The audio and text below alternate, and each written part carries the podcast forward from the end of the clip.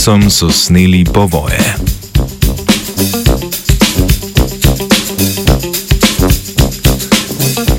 Raziskovalna skupina je upravila primerjavo mitohondrijske DNK iz vzorcev tako kosti kot mehkejšega tkiva mumificiranih osebkov, kot tudi krvi in peres današnjih predstavnikov svetega Ibisa.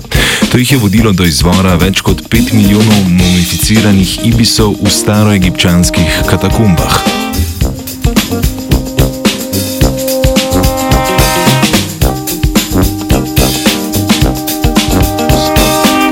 Stari egipčani so bogove navadno upodabljali s človeškim telesom in živalsko glavo. Sobiku, bogu Nila, so nadeli krokodiljo glavo, bogu smrti Anubisu glavo šakala. Tot je bil staroegipčanski bog modrosti in pisanja, upodobljen z glavo Ibisa. Egipčani so v prid Totu žrtvovali mnogo svetih ibisov vrste Treskiornis etiopicus, ki so v številu mumifikacij daleč vodili pred vsemi drugimi ptiči. Niso pa končali v povojih le žrtvovani ibisi, ampak tudi redki osebki, ki naj bi bili reinkarnacije samega Tota. Ti so za razliko od ostalih mumij, natrpanih v velikih dvoranah, končali v svojih sobah. Glede na datiranje s pomočjo oglikove razpolovne dobe, so, se naj bi to odvijalo nekje med 7. stoletjem pred našim štetjem in 3. stoletjem našega štetja. Kljub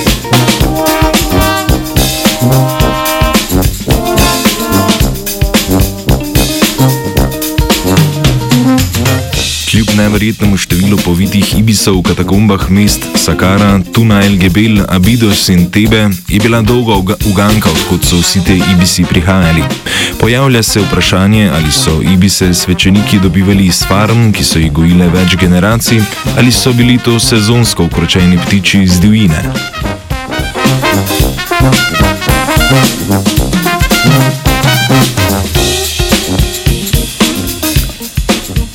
Raziskovalna skupina je odzela vzorce 40 mumificiranih ibisov iz več lokacij na območju današnjega Egipta in vzorce 26 danes živečih ibisov iz 10 različnih lokacij v Afriki. Iz vseh sodobnih in 14 starih vzorcev so pridobili mitohondrijsko DNK.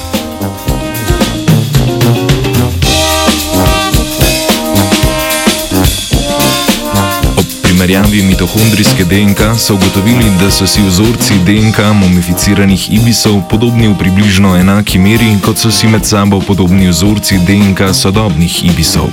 Če bi ptice na dolgi rok gojili na farmah, bi takšen sistem kmalo privedel do majhne genetske raznolikosti med mumificiranimi pticami.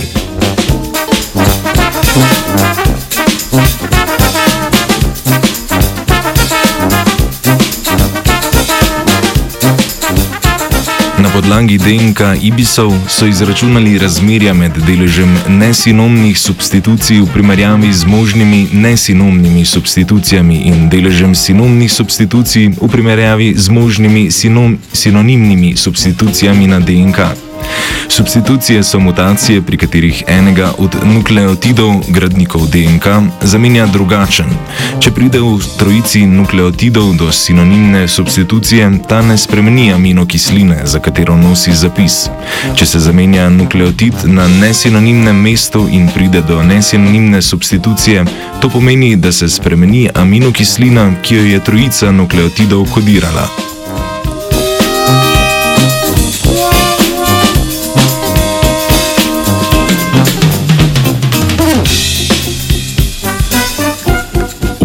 Farm ibisov bi bilo razmerje med nesinonimnimi substitucijami glede na nesinonimna mesta in sinonimnimi substitucijami glede na sinonimna mesta večje v primerjavi z današnjim. Nesinonimne mutacije bi namreč v kontroliranem okolju bile večje, ker tudi takšna strukturna sprememba iz mutiranih odsekov nastalih proteinov ne bi pomenila velike škode osebku glede na odsotnost nevarnosti iz narave. Ker pa sta genetska raznolikost med starodavnimi naravnimi osebki in njihovo substitucijsko razmerje bila precej podobna tema pri današnjih ibisih, lahko zaključimo, da so ibise lovili sezonsko iz divjine.